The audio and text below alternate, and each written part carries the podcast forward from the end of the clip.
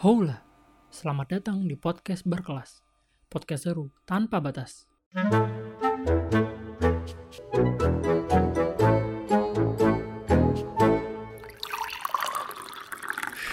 Udah, dengerin dulu aja. Memiliki pekerjaan sebagai news anchor di salah satu channel TV di Surabaya, mesti kondang di beberapa kesempatan acara besar, dan di balik semua itu, lo pernah nyabet beberapa medali atau award ya, di perlombaan yang bisa dibilang strata internasional. Oh. Bersama Mhm. gue Ali Fansar, please welcome, selamat datang Tita Oksa Anggrea. Gimana? Aduh, Halo, terima aduh. kasih. Eh, aduh, ini Udah disambutnya udah kayak ini aja ya. Udah spesial banget disambutnya nih, aduh. biasanya emang gak spesial, biasanya kan moderator disambut juga, biasanya kalau di acara besar juga. Disambut ma- sih oh. kadang. Atau malah, oh biasanya nyambet sih, eh nyambet apa? Eh, nyambut biasanya. Nyambut, iya nyambut biasanya. Oke. Sehat ya, sehat. Sehat, Alhamdulillah. Gimana di Puasa? sana sehat-sehat? Alhamdulillah sehat. Puasa masih? Eh, puasa masih dong, Masih, semangat masih. tetap. Semangat, Iya. semangat puasa ya, walaupun PSBB. Ini di mana? Di Surabaya PSBB. atau di rumah? Eh, kebetulan gue lagi di rumah sih, soalnya kan Di rumah. eh, iya lagi cuti kerjaan juga kan di Surabaya lagi PSBB ya. Dan kan kemarin juga nggak Hmm. ada waktu buat libur karena ngurus Hmm. TA, jadi ngambil waktu sekarang buat libur di rumah sih. Oh gitu. Berarti Iya. masih, oh iya iya masih TA ya, belum lulus ya nggak? Gimana? Em, Ntar TA-nya aja lah, ntar aja lah ya. Iya iya iya, oke oke oke siap siap. Kita rahasiakan dulu ya. Agak rahasiaan dulu, biarin dulu aja. Diemin dulu, kalau dipanggil-panggil ntar nggak jadi lulus. Amit amit. Oke, sip sip. Ini lo masih seorang news anchor kan sekarang? Kalau untuk Eh, saat masih ini? masih. Eh, masih masih. Gue manggil kak aja kali ya biar sopan gitu ya. Alah, Kali. kagak usah, biasa Eh, aja. Oke oke. Masih ya, masih news anchor ya? Masih masih. heeh. Jadwal manggung masih ada nih berarti? Kalau sekarang kan lagi pandemik ya, jadi Hmm. lebih kayak ke online sih. Kan kalau biasanya event apa semua udah pada dipospon atau enggak Hmm. dibatalin. Jadi Hmm. kalau misalnya untuk event yang kita harus uh, face to face sama beberapa orang itu untuk sementara masih di cancel semua. Tapi Hmm. sekarang kayak gue lagi banyak banget kayak misalnya ngisi ada beberapa apa ya acara yang kayak gue harus ngisi beberapa agenda di situ kayak tentang public speaking lah atau enggak ntar juga ada upcoming event live juga di salah satu TV juga tapi via ini ya Hmm. via di rumah masing-masing itu ada Ridwan Kamil juga sama Sandiaga Uno jadi kayak kita Oh iya iya iya, I see, I see. eh, apa ya kayak eh, berbincang tapi di rumah masing-masing gitu loh Webinar, webinar sih Ya, biasanya apa? webinar ya. Webinar, iya. webinar lagi musim tuh Lagi sekarang musim, tuh parah lagi musim banget Ya. itu.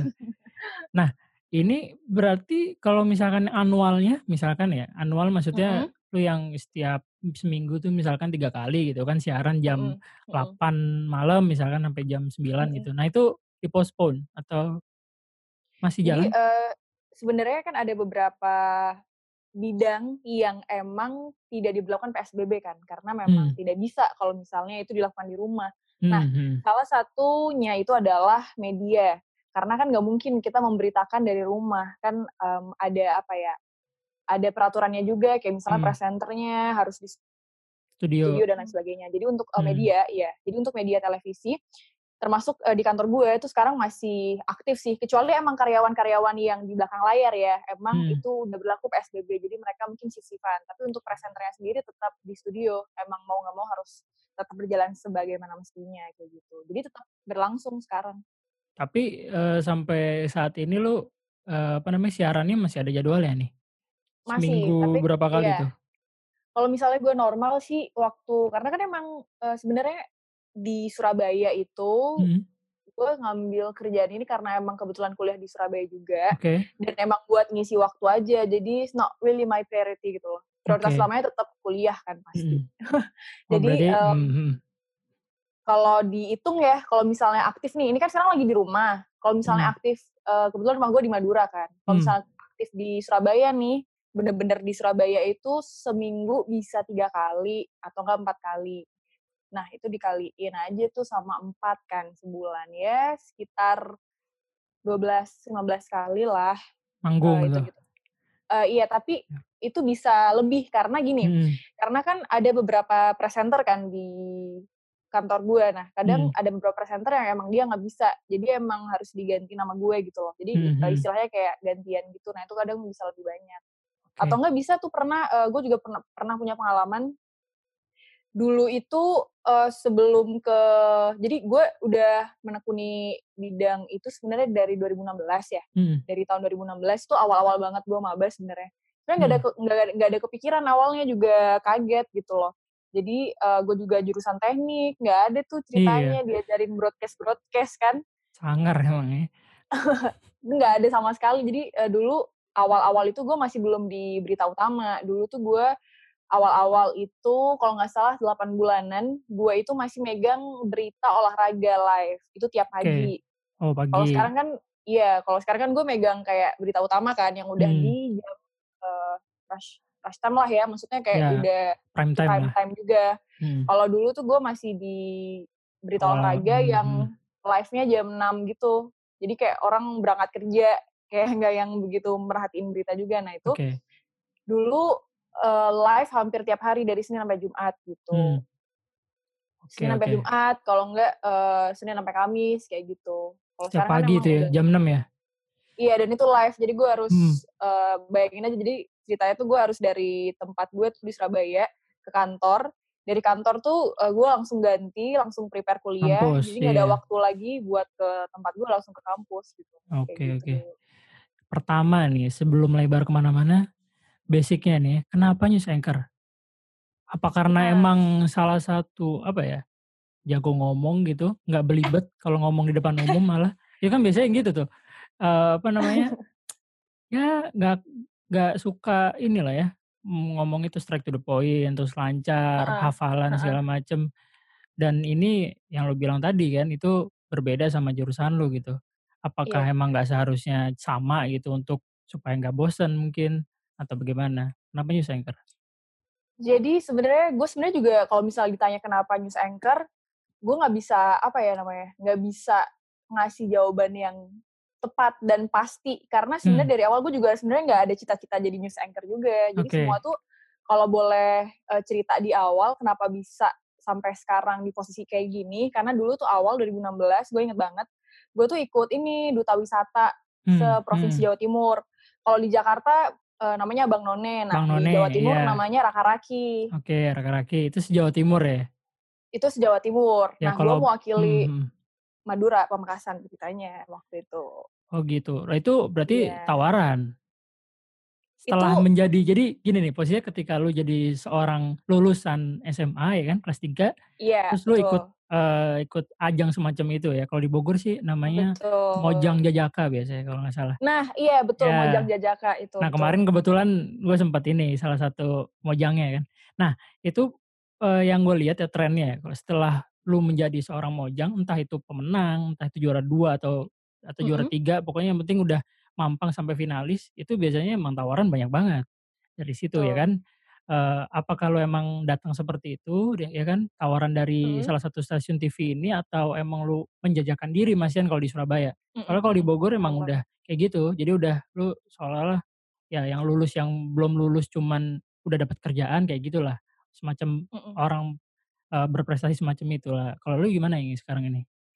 Nah, paham gue. Jadi, eee, dulu itu karena gue juga basic-nya IPA kan dulu. Hmm hmm. Jadi, eee, kuliah pun teknik banget kan, nggak ada sama sekali, eee, menyinggung-menyinggung tentang broadcast ataupun sosial ataupun ap apa pun Multimedia nggak itulah, ada? Mhm. nggak ada. Nah, jadi ceritanya itu waktu gue waktu itu kebetulan gue menang juara 1. Nah, eee, jadi ada beberapa media yang ngeliput kan.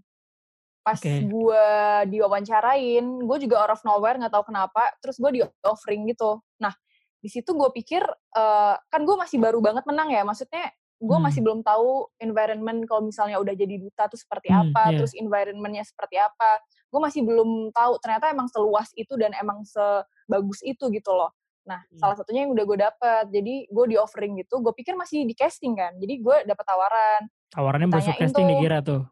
Iya, gue pikir suruh eee, masih di casting. Nah, itu udah udah pesimis tuh. Terus gue bilang kan, background gue tuh sebenarnya teknik, terus gue tuh juga nggak ada pengalaman. Kalau misalnya broadcast-broadcast gitu, gue nggak ada nggak ada pengalaman. Dan gue sebenarnya orangnya cukup introvert sih dulu waktu SMA. Jadi gue Introvert tapi diceritain nih. ya gue dulu tuh bener-bener nggak selancar ini ngomongnya kayak apa ya nggak apa ya nggak nggak bagus lah ngomongnya. Menurut gue kayak masih introvert banget. Dulu tuh SMA zaman zaman ambis-ambis anak-anak OSN gitu loh Hmm. yang ansos ansos gitu. Dulu tuh gue kayak gitu. Nerd. nah sejak jadi iya nerd lah. Sejak jadi duta tuh itu bener-bener life change banget sih buat gue jadi itu di situ gue belajar banyak termasuk salah satunya public speaking. Nah balik lagi ke cerita yang gue di offering itu.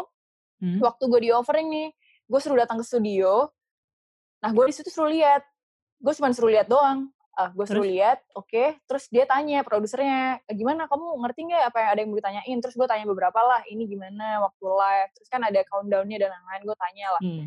oh ya udah. Terus besoknya gue suruh datang gue besok suruh datang terus tiba-tiba gue disuruh ke ruangan make up.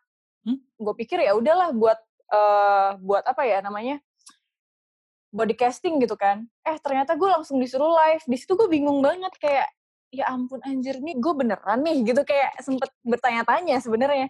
Ini beneran Pas, nih kayak gitu. Percaya nggak percaya ya? iya percaya nggak percaya. Ternyata eh, produsernya tuh percaya sama gue dari pertama kali dia ketemu gue dan ngeliat cara gue ngomong dengan cara pembawaan gue. Ya ya oke lah mungkin gue nggak tahu beberapa ilmu tentang broadcast tapi yang benar-benar ngebimbing gue waktu itu ya produser dan tim waktu itu ya. Learning by doing lah dikasih tahu Oke. nih kalau misalnya kayak gini sebelum eh, masuk ke live ada countdownnya dulu lah ini prompternya kayak gini lah dan lain-lain jadi Oke. gue nggak pernah apply nggak pernah apply nggak pernah nyangka juga gitu jadi ya Bawaan sebagai Hmm, bawaan Iya, dari ini bawaan. berarti ya, dari kemar yang ya ajang semacam duta Iya. pariwisata tadi itu ya. betul betul Oke. Nah, ini sebenarnya lebih ke beneficial atau benefit. Seberapa apa ya yang paling gue penasaran sih sebenarnya ya. Ini Mm-mm. emang eh, jamnya berbeda mungkin. Jamnya sangat Mm-mm. berbeda dengan eh, birokrat-birokrat atau misalkan pers eh, lebih ke ini ya seorang news anchor-nya ya.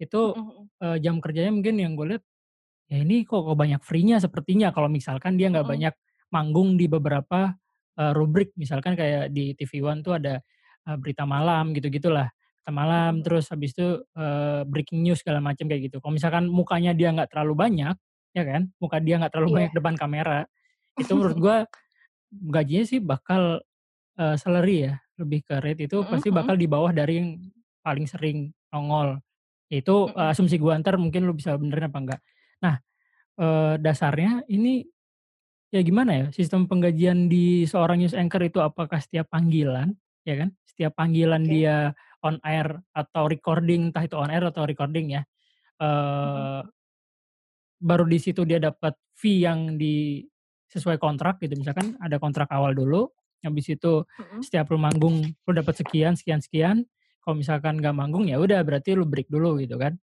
nah ini kayak gimana nih kalau di seorang anchor ya? Oke, jadi kan gue bahas yang pertama dulu ya. Jam Hmm. kenapa gue sebenarnya Hmm. jadi kan sebelum gue nerima pekerjaan itu gue sempet tanya dulu sama orang tua gue kan. Kira-kira boleh nggak nih gitu kan. Kalau misalnya gue kuliah tapi sambil kerja juga kayak gitu. Terus sebenarnya orang tua gue sempat ngomong kayak mending nggak usah karena tujuan gue di Surabaya kan sebenarnya kuliah. Iya sempet kayak ya udahlah mbak nggak usah gitu maksudnya ada ya di- ternyata kuliah aja gitu soalnya Fokus, orang tua hmm. Iya takutnya gue kecapean lah atau enggak takutnya gue keteteran lah atau enggak apa terus gue di situ jelasin ke orang tua gue bahwa tujuan gue tuh ngambil bukan cuman buat salarinya doang tapi kayak buat pengalaman sama kayak itu kan eh, benar-benar kita kerja profesional kan dan berhadapan sama Hmm. orang yang benar-benar profesional jadi Hmm, hmm. melatih tanggung jawab gue juga gitu loh salah satunya yang gitu. diasah itu oke terus Betul. Dan gue ngasih jaminan ke orang tua gue. Oke lah, eh, gue boleh nih. Misalnya gue dibolehin kerja, tapi gue janji kuliah gue nggak bakal gue nomor duain. Jadi Oke. kuliah jalan, kerja juga jalan gitu. Kira setelah gue ngomong kayak gitu sama orang- orang tua gue dibolehin. Nah, lanjut ke yang masalah kedua yang jam waktunya. Memang menurut gue kenapa gue terima? Karena emang waktunya fleksibel ya. hmm. Waktunya itu kan emang Gitu kita ya. nggak harus kayak 7 to 5 gitu kan. Nah, kayak nggak harus kayak kalau orang yang kan emang- gitu ya kan betul dan kayak kita nggak terikat gitu loh maksud gue Hmm. eh, gue ada kontrak tapi maksudnya nggak yang harus setiap hari datang ke kantor gitu nggak kecuali emang gue ada liputan atau enggak emang ada jadwal siaran Nah, Mhm. sistem gajinya tuh jadi setiap bulan tuh emang ada gaji minimal kan. Misalnya gue nggak Mhm. dateng nih, tetap ada gaji minimal. Tapi yang ngebedain gue sama presenter yang lain adalah semakin banyak gue siaran di situ, otomatis salary-nya juga semakin besar gitu Oke, kan. benar berarti tadi Eee, asumsi gua. iya benar, Oke, heeh. terus? Event-nya kan banyak juga kan, Event ya, satu media banyak. heeh, Mhm. betul. Jadi tergantung gue nih, misalnya gue ngerasa, eh, eee, gue bulan ini senggang nih, ya udahlah gue mau daripada gue gabut ya, atau enggak daripada gue ini nggak ada kerjaan, atau enggak apalah, gue pengen nih kerja aja nih biar ini. Akhirnya gue bilang ke produser gue, gue ready misalnya, eee, ditanyain kan, jadi setiap akhir bulan itu sistemnya produser gue nge-chat gue, nanya ke gue, "Ocha, tanggal kamu bisanya nggak bisanya tanggal berapa aja?" Jadi gue blok di situ, minggu apa yang gue nggak bisa, tanggal berapa gue yang nggak bisa. Nah,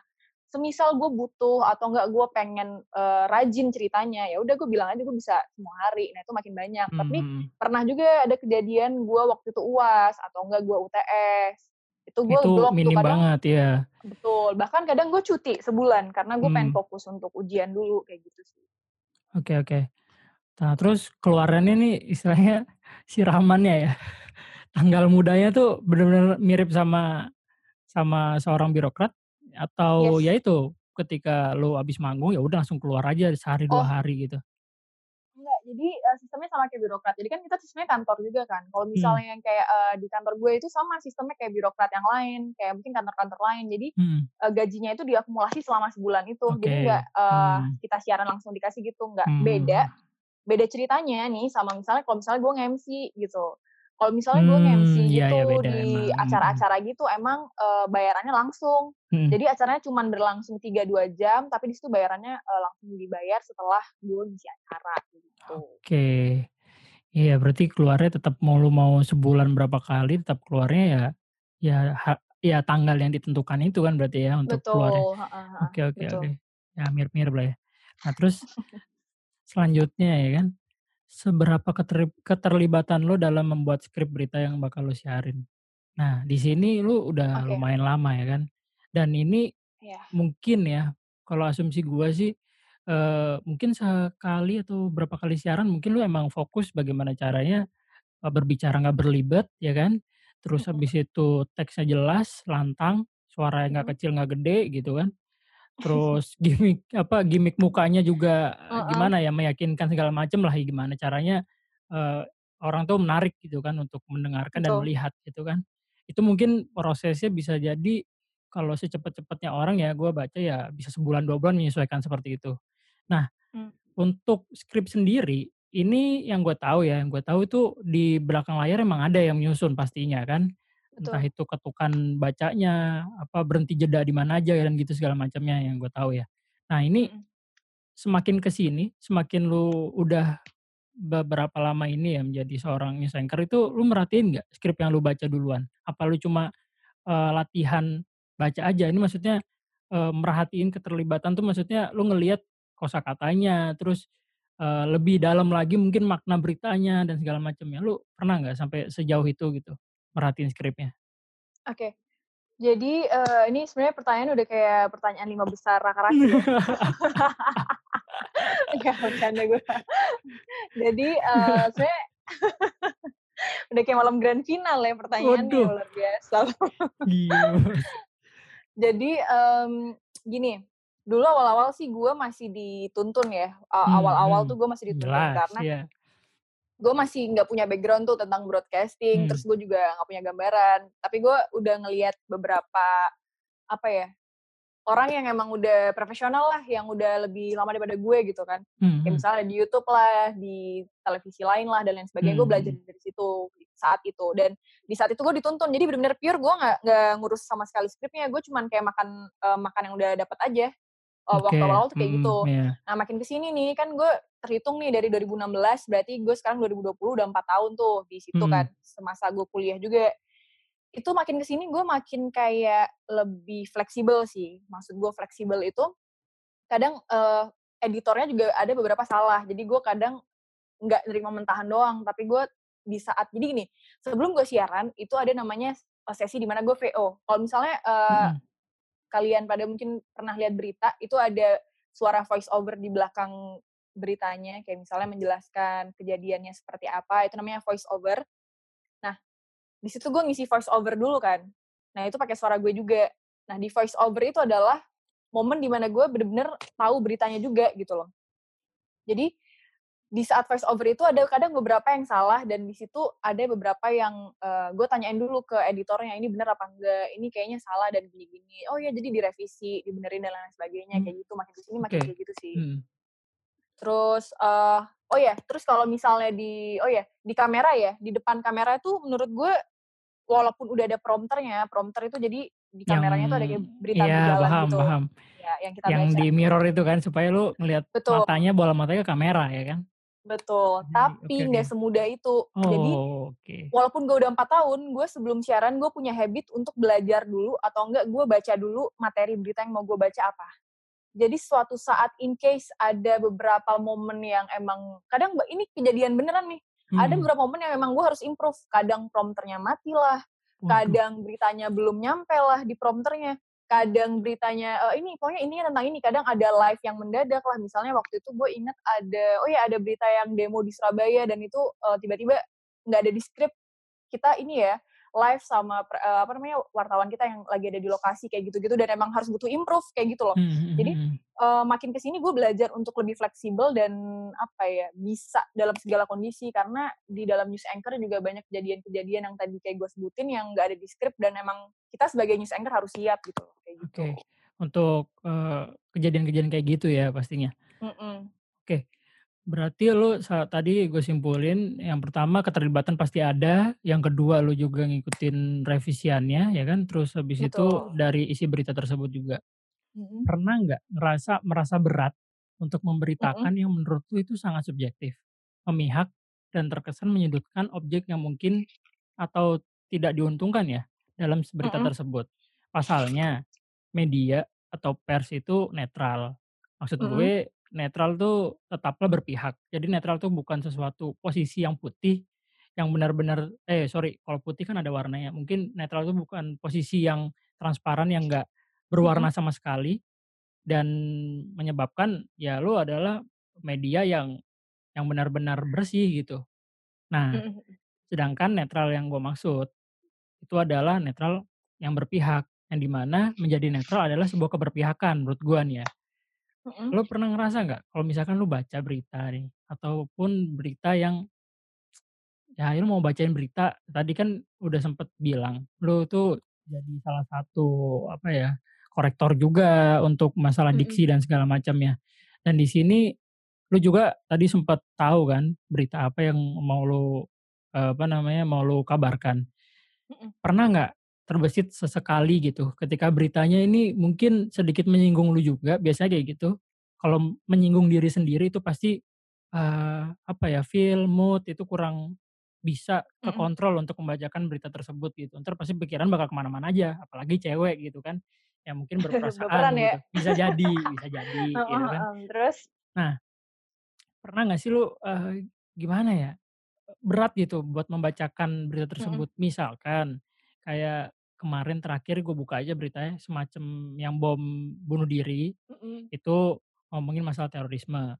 Dan terorisme di situ yang gue lihat nih ya, mayor di kacamata global nih ya gue bilang, nggak di salah satu stasiun TV doang, itu kebanyakan memang mendelegasikan seorang terorisme itu berplat istilahnya berplat nomor Islam lah ya. Ya kan, Mm-mm. terlihat seperti gitu. Nah ini mungkin, eee, di stasiun TV lu atau stasiun TV lain itu pasti memiliki beban tersebut gitu loh. Ini mending gue beritain apa enggak gitu kan. Maksudnya lu nggak Mm-mm. nih sama beritanya nih, lu bener-bener nggak tahu gitu kan posisinya, eee, yang dijadiin skrip ini merupakan sebuah, eee, opini gitu, walaupun sebuah opini tapi disiarkan ke yang lainnya kan situ konsumennya banyak, kalangan Dengan strata pendidikan berbeda-beda gitu, yang di mana opini itu sebenarnya kan adalah suatu bentuk pendapat dari entah itu dari orang, entah itu dari media, apalagi ini ofisial gitu, skrip berupa dari salah satu stasiun TV.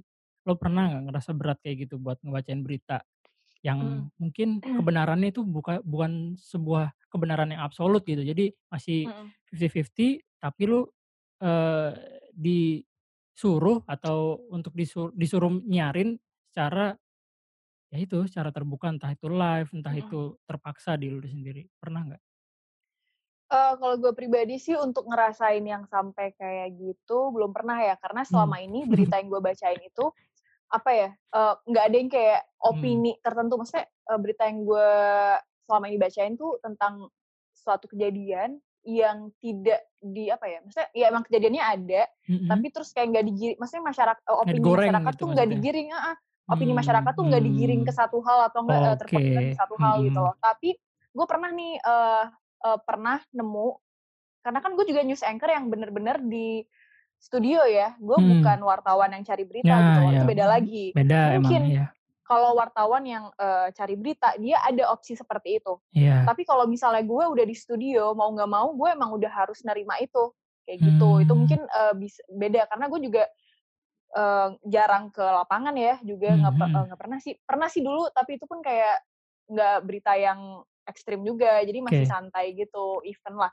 Nah, eee, balik lagi ke pertanyaan yang tadi tuh ada juga gue denger, yang mood ya, masalah mood Iya, ya. Itu masalah mood. pernah gue sempet beberapa kali, sering banget malah, ada beber beberapa berita yang itu kadang matain hati gue, terus kayak ngebuat gue kayak mikir, "Aduh kenapa sih? Aduh kok gini sih?" Itu ada, kayak misalnya waktu itu ada pernah, eee, pembunuhan lah ke Mmm, anak mhm. kecil lah waktu itu, atau enggak kayak, eee apa ya waktu itu gue lupa, ada anak kecil waktu itu gue inget banget, eee, anak kecil yang, eee, dijual sendiri lah sama orang tuanya, terus Mmm, orang mhm. tuanya yang ngebunuh lah, segala macem. ya? Pokoknya yang heeh, yang semacam-semacam kayak gitu, gue sempet mood gue kayak, "Aduh kenapa sih?" Kayak gitu. Nah jadi, itulah gunanya untuk membaca dan mempelajari berita. Jadi, gue luapin dulu tuh emosi gue, atau enggak gue luapin dulu tuh op eee, ini gue. Jadi kayak, aduh Teriak-teriak kesel gue ya? heeh, "Ini kenapa sih ini?" Iya, nggak teriak juga sih. Makan biasanya, Mbak, waduh. Makan lah ya. Gue, eee, luapin dulu nih kayak, "Aduh aduh kenapa sih nih berita kok kayak gini, sedih." Atau enggak pernah ada berita lucu juga, apa tuh Mmm. yang lucu.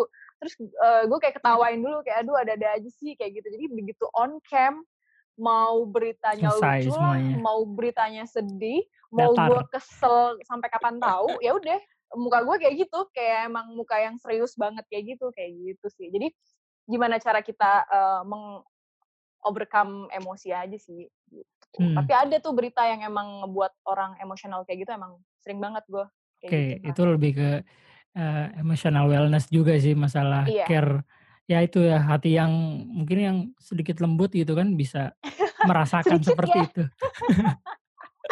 Soalnya udah keseringan dimarahin dosen, bisa jadi keras ya kan? Iya betul, apalagi kita Nah teknik ya, luar nah biasa. gitu.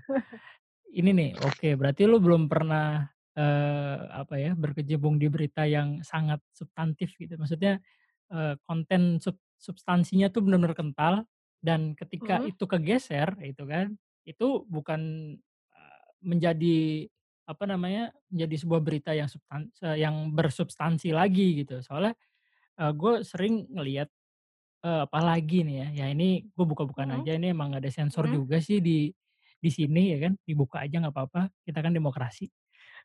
Itu iya.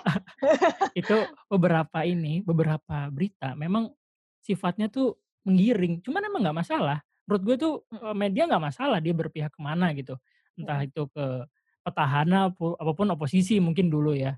Nah, Mhm. yang yang gue ya gimana ya, agak miris aja ya ketika itu, apa namanya, sebagai orang yang menonton dan mengonsumsi berita dari TV, entah ya dari TV, dari dari media maya gitu, gue suka sedih aja ngelihat berita yang digoreng gitu, maksud gue. Ini terlepas Mhm. dari seorang news anchor yang tahu, apa namanya, eee, sampai berkecimpung di dalam pembuatan berita sampai, wah ini ngangkat berita apa, itu kan nggak nyampe segitu segitunya gitu kan seorang news anchor mhm. kan. News anchor adalah seorang yang yang menurut gue itu ujung tombaknya gitu, ujung tombak dari Mhm, sebuah yang berita yang udah menyajikan lah, digoreng mhm. iya, yang menyajikan dan bisa tersampaikan oleh eee, tersampaikan kepada ini, kepada konsumen yang nonton gitu kan. Mhm. Nah, berarti lu belum pernah sampai berita yang sangat panas gitu, misalkan ya ya entahlah, apalagi zaman zaman kemarin ini, pemilihan 2019, Nah. itu gimana? Lu pernah Eee, megang nggak sih berita kayak gitu yang oke. Mungkin gue paham sih maksud lu Mhm. mau ke arah mana. Jadi kalau misalnya beda ya, kalau misalnya berita yang kayak, eee, jadi kan gue jam 7.00 ya setiap live itu, nama programnya Pojok Itu. Jadi di situ tuh emang dia pojok adalah apa? program pojok pitu. Oh, pojok pitu, Pojok 7, gila karena jam pitu. 7. Iya, tapi gue pakai bahasa. Indonesia. Nah, itu di situ tuh emang kita memberitakan sesuatu yang emang kejadian kayak kriminal atau enggak Mmm. politik, at eee, jadi nggak digoreng gitu loh. Beda kondisinya sama kalau misalnya talk show, karena gue juga pernah Mmm. waktu itu talk show sama salah satu wakil gubernur juga, Pak Emil Dardak tuh beda. Emil Karena ya? di iya, jadi kalau misalnya berita yang di depan kamera gitu menurut gue itu nggak bisa di apa ya, nggak bisa digoreng-goreng karena lu mau goreng apaan, event yang emang real-nya kejadiannya seperti A, lu nggak bisa ngomong B, karena lu bakal dihujat habis-habisan sama masyarakat Iya gitu. iya itu maksud Beda mhm. beda kalau misalnya kita lagi talk show. Kalau lagi talk show, kita bisa aja ngegiring kayak gitu. Misalnya kita pro kepada suatu Mhm. A, kemunya karena kan kita lagi talk show kan, jadi nggak ada Mhm. skripnya gitu loh. Oke. Itu bisa.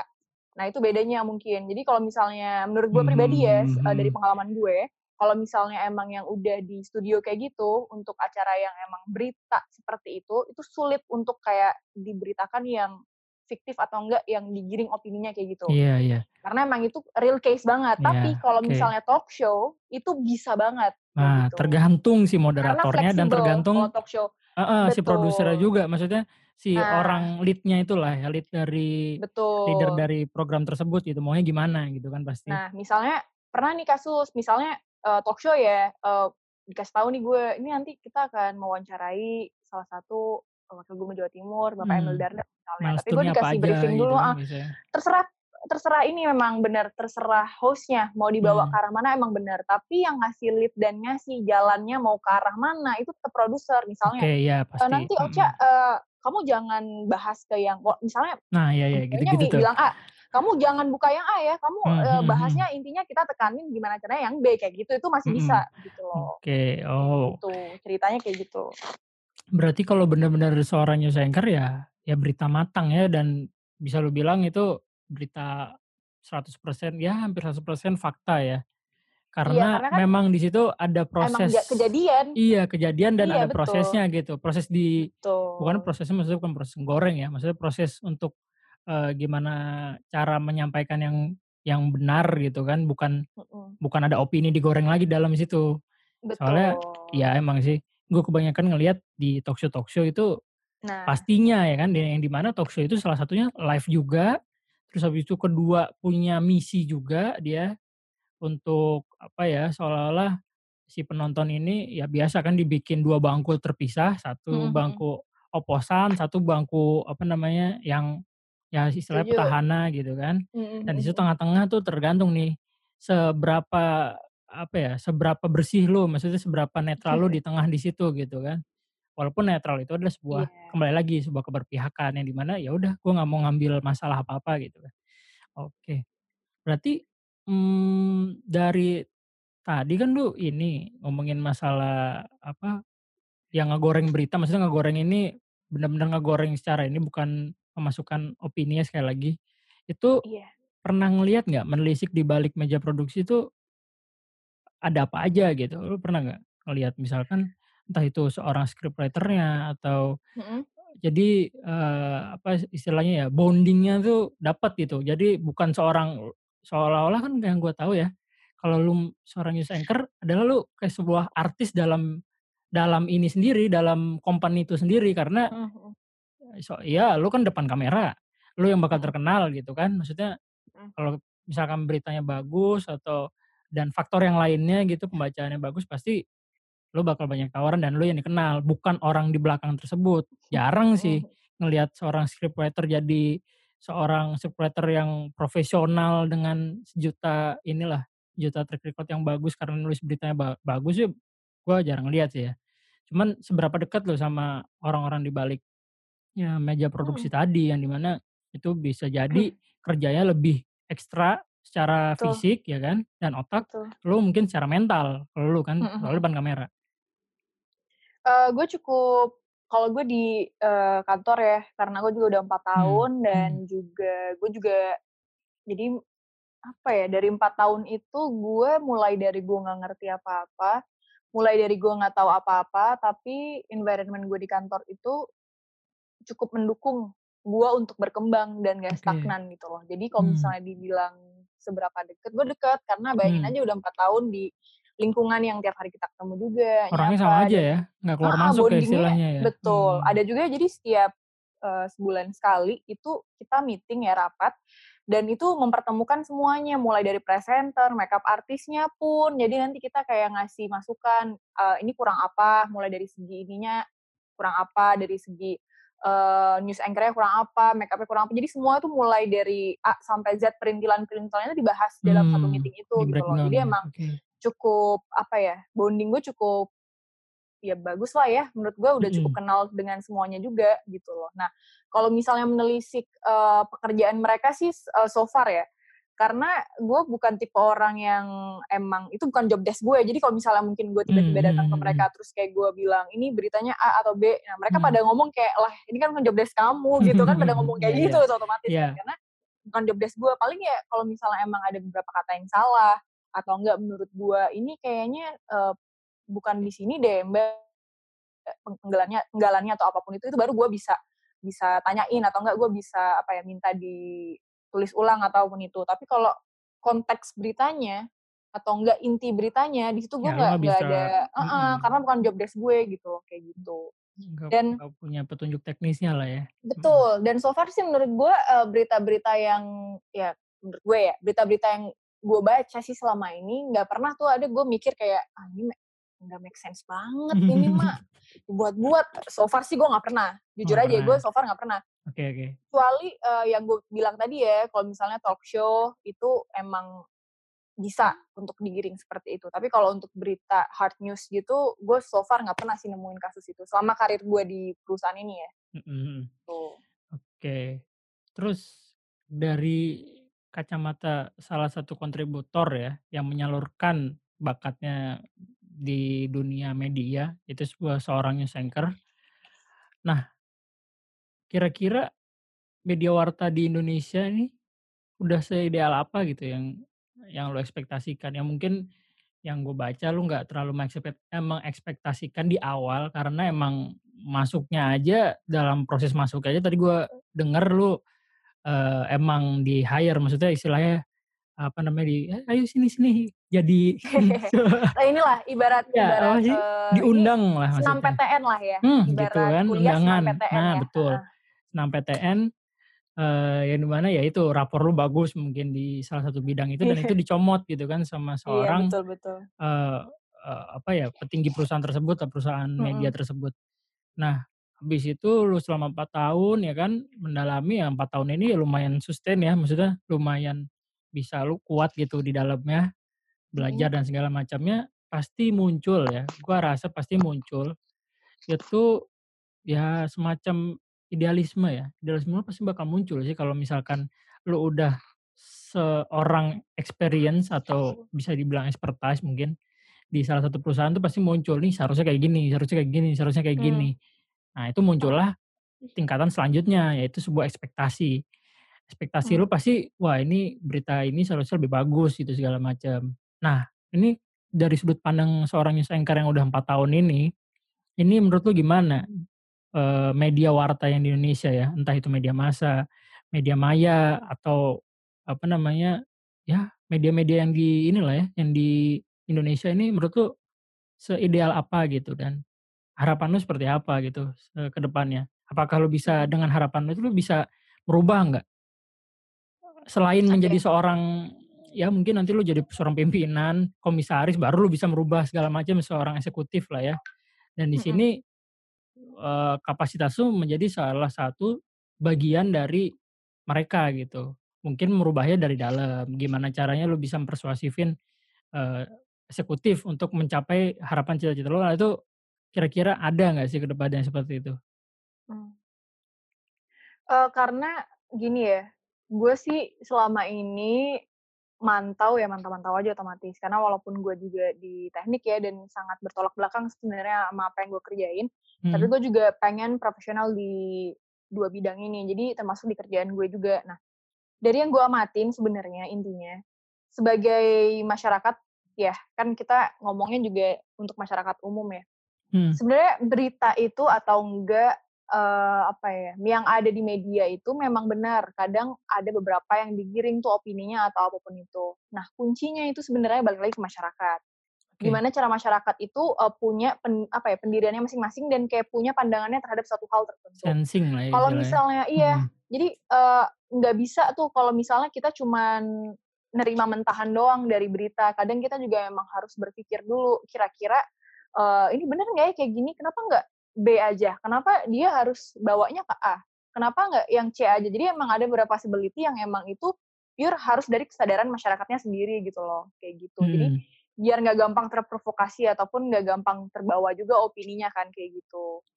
Kayak gitu Berarti sih. besok s eee, gue nyaranin Kominfo nih ya, Pak Jony G Plate, itu berita nih ada tulisannya di bawah, R, RBO gitu misalkan. Soalnya yang gue tahu berita tuh SU semuanya, kecuali berita-berita yang ya. iya, berita-berita yang kejahatan, terus habis Mhm. itu pembunuhan segala macem gue tahu, itu RBO bawahnya kalau nggak salah ada Iya. dulu tuh di channel apa. Nah sedangkan ini yang berbau pol eee, entah itu politik, apalagi nanti pemilihan serentak gubernur, eee, se-Indonesia ini menjadi salah satu poros yang bakal dilihat gitu media itu pasti. Ke depannya pasti. Betul. Soalnya emang ya gimana lagi sajian buset kemarin aja pas, eee, kampanye selama setahun, berapa tahun itu, wah gila setiap setiap berita pasti isinya entah itu kebobrokan salah satu calon, paslon gitu kan, terus Betul. background-nya sampai hal-hal yang nggak masuk akal gitu, yang nggak seharusnya dibawa-bawa. Karena Nah. yang di bisa dibilang seorang pemimpin, yang akan mencalonkan sebagai seorang pemimpin itu bukan dari background dia entah itu, apa namanya, keluarganya baik-baik apa segala manyem segala macem itu nggak usah dibawa-bawa gitu loh. Mungkin kalau background dia Mhm. dalam memimpin perusahaan yang lain, dulunya itu bisa dibawa sebagai salah satu historical, eee, apa namanya, news ya, sebagai apa ya, sebagai bahan dialah, bahan bakar dia untuk ke depan. Nah ini gue lihat ya, sangat disayangkan memang beberapa media tuh suka membawa-bawa hal yang nggak penting untuk dijadikan, eee, salah satu, eee, ya bisa dibilang api apa, salah salah satu bahan bakar untuk nyalain kompor gitu maksud gua. Mhm mhm.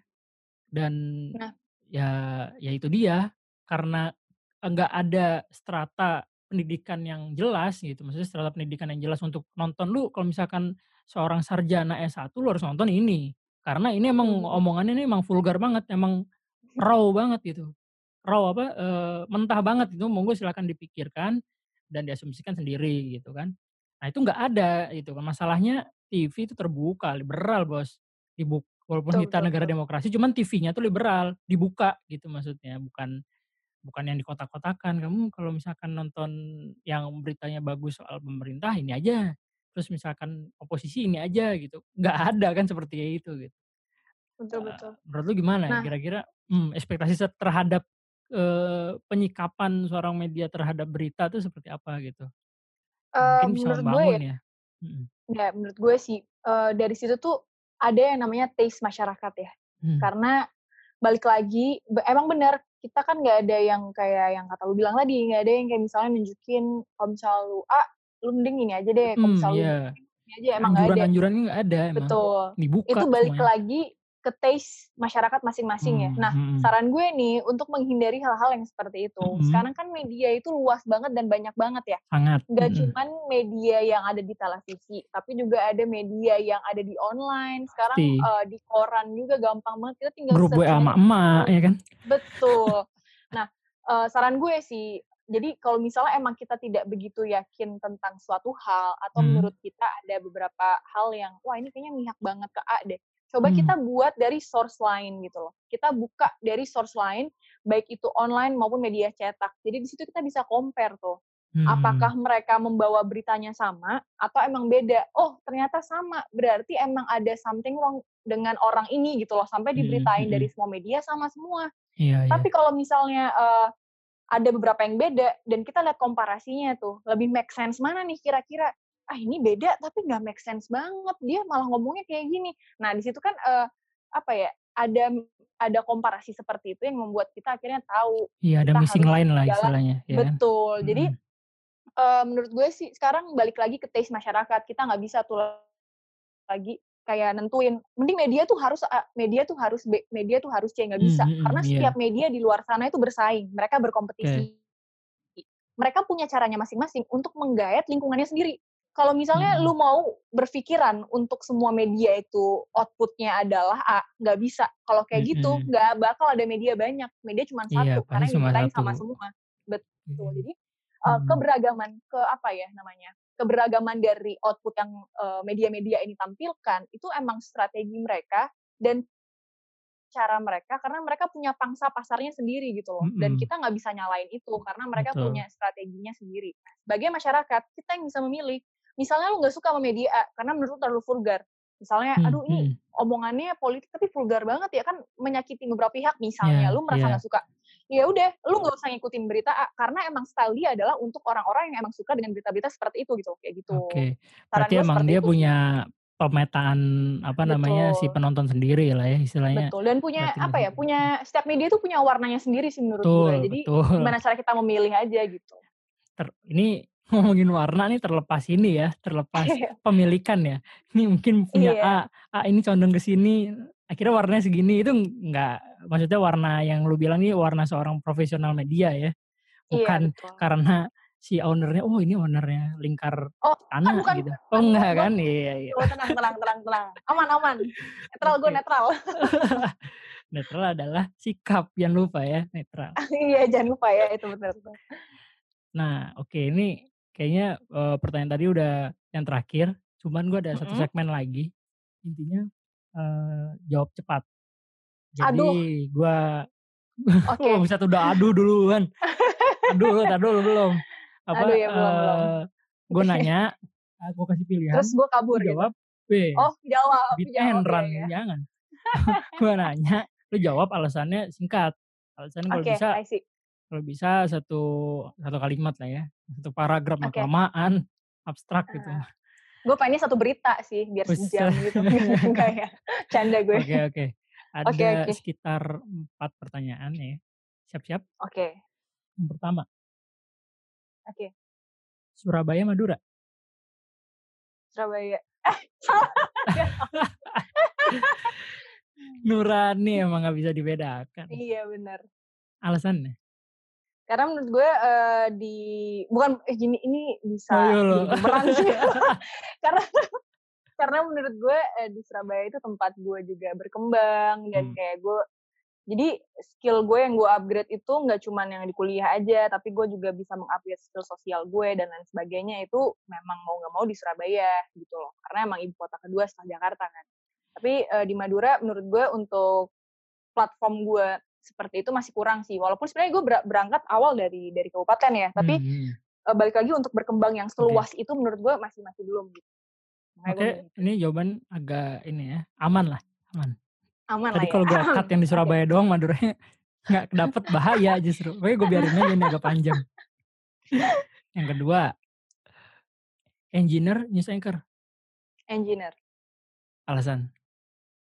Karena it's itu main goal gue gitu loh. Sebenarnya Mmm. news anchor nih cuman kayak platform gue untuk belajar aja, tapi Oke. balik lagi passion utama gue engineer. Nggak karena sayang gelar kan? Enggak lah. Mana tahu ya. Oke, selanjutnya. Gaji kecil kerja nyaman, gaji besar penuh tekanan? Uff, karena gue suka challenge Mmm. ya, jadi gue milih Wis gaji besar penuh tekanan. Enggak enggak serius, karena gue gue tipe orang yang nggak bisa, eee, nggak bisa di safe zone gitu. Kalau gue terlalu lama di safe Mmm. zone, gue makin bertanya-tanya, aduh ada challenge jadi bosen gitu loh. Kalau gue tipe orang kayak gitu. Oke. Makanya gue milih yang kedua ya. Iya, ini pertanyaan ketiga emang jawabannya beda ba beda-beda banget dari kemarin ini orang-orang. Sangar ya. Terus yang keempat. Misalkan ya tiba-tiba se ini agak panjang pertanyaannya. Jawabannya kalau bisa ya ya secukupnya. Eee, misalkan ada sebuah amplop di rumah Mhm. ada kop yang mungkin lu nggak asing ya, di Mhm. kop itu gitu. Misalkan lu lihat kop itu kan, terus habis itu lu buka gitu kan, Mhm. ya mungkin riang gembira bisa jadi atau sebuah penasaran gitu kan. Ternyata Mhm. dalam amplop itu ada sepucuk surat, ih sepucuk surat, Mhm. Selembar surat. Yang Iya. intinya itu adalah sebuah invitasi untuk bergabung di salah Mhm. satu ya kan, salah satu lingkar istana. Mhm. Yang mungkin, eee, skandalnya mungkin udah buruk gitu ya sekarang ini ya, ini gue bicara ke depan nih. Misalkan Pak Jokowi ke depannya ketika eh, bukan bukan Pak Jokowi sorry, setelah Pak Jokowi nanti ya kan, pasti kan ya setelah Pak Jokowi nanti soalnya nggak bisa menjabat lagi dia, eee, selanjutnya masih membuka semacam ring setengahnya istana, ring setengah maksudnya orang yang udah paling deket banget sama presiden gitu ya.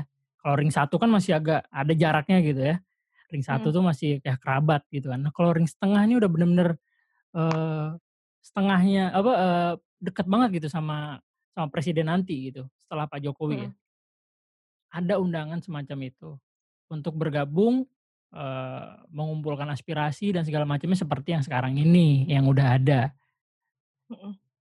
Sebelumnya paham kan maksud gue apa? Paham paham paham. Oke. Gue ngikutin juga, terus? Nah, sikap lu seperti apa?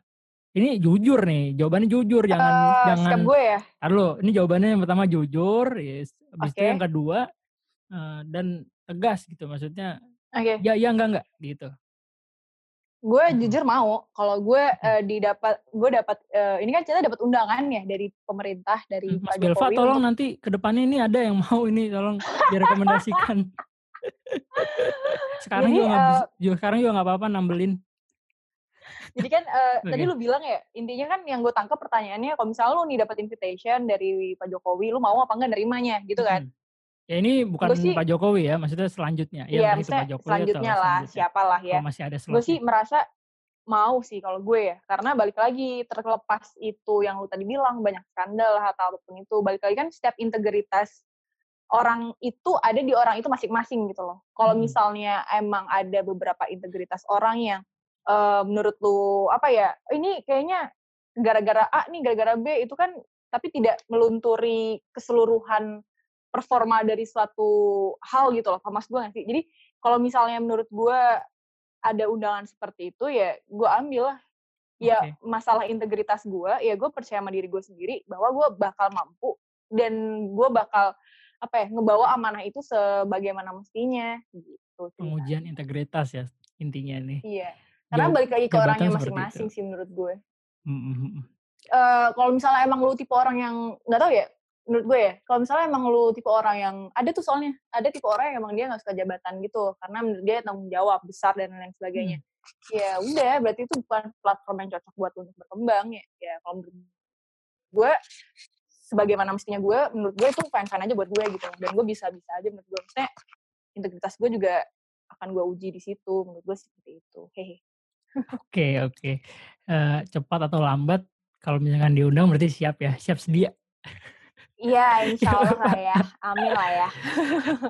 Oke oke, berat oh gue udah lihat dari beberapa pandangan orang-orang juga ya. Untuk pertanyaan terakhir ini memang sangat menarik sebenarnya. Dan Iya. untuk kaum generasi Z eh milenial atau Z tuh ya? Ini masuknya milenial atau Z lah ya, Gue sih milenial oh ya, milenial gue ya? nggak mau iya, gue nggak mau terlalu muda ah, Oh terlalu entar muda ya? childish. Iya. Nah, ada mungkin milenial senior kita mungkin ada yang nggak pertanyaannya berbeda soal yang ini. Nah ini lebih tepat gue kasih pertanyaan ke lu karena lu masih milenial. Mmm. Oke. Berarti intinya siap mengemban dan ya bismillah intinya gitu ya? Iya, karena tadi kan balik lagi ke pertanyaan yang lu Mmm, sebelumnya kan, karena mmm. emang gue tipe orang yang suka challenge banget gitu Oke loh di oke. Berarti itu sebuah kayak gitu. anggapan challenge ya? Amanah Bukan adalah iya, challenge? maksudnya, eee, bukan gitu, maksudnya gue tuh eee, tipe orang yang adaptif banget. Jadi Oke. kalau misalnya gue kayak gitu, ya gue bisa-bisa aja, maksudnya gue menerima Oke, gitu loh. oke oke. Nggak Siap yang siap. berpegang teguh sa sama satu hal, kayak hidup mati gue harus A, enggak, gue nggak kayak oke. gitu. Oke oke. Mmm, adaptif ya? Oke, mungkin Iya. digantung dulu aja sebenarnya ada pertanyaan lagi Ya ampun. Cuman durasi kayaknya udah lumayan ternyata. Nah, jangan digantung dong, Gitu. aduh. Oke, mungkin gitu aja di podcast kali ini. Terima kasih Ocha udah bisa, eee, berbagi ilmunya tentang news anchor dan sedikit pandangan politiknya. Mhm. Gue Alif. Dan gue Ocha. Selamat mendengar dan selamat menikmati. Ciao, bye-bye. Bye-bye. Udah dengerin dulu aja.